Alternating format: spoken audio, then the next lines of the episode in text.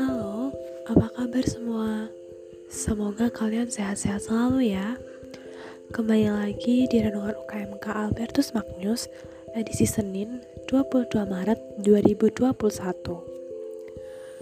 Renungan untuk kali ini akan diambil dari kejadian 1 ayat 28.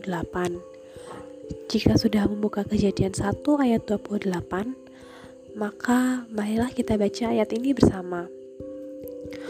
Beranak cuculah dan bertambah banyak, penuhilah bumi dan taklukkanlah itu.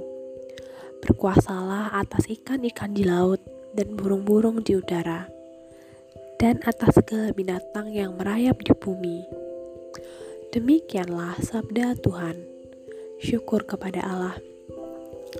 Dari ayat tersebut, maksud dari berkuasa atas ikan, burung, dan binatang di atas bumi bukan berbicara mengenai penindasan atau penyiksaan semena-mena, tetapi berbicara mengenai perintah untuk mengurus dengan baik hewan-hewan tersebut. Kelangsungan hidup hewan-hewan ini terletak di pundak kita manusia.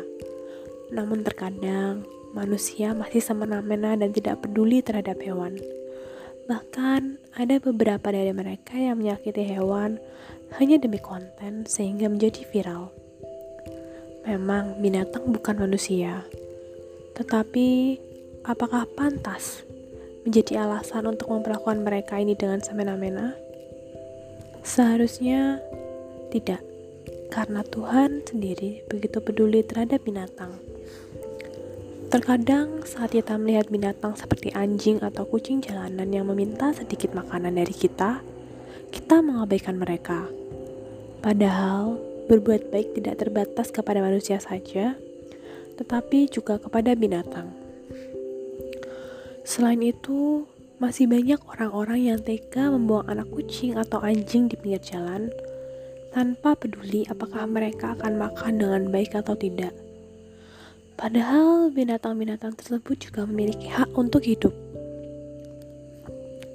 Maka dari itu, sudah ada banyak hewan yang hampir punah dan hewan-hewan ini butuh usaha sungguh-sungguh dari manusia yang berakal budi untuk menjaga kelestariannya.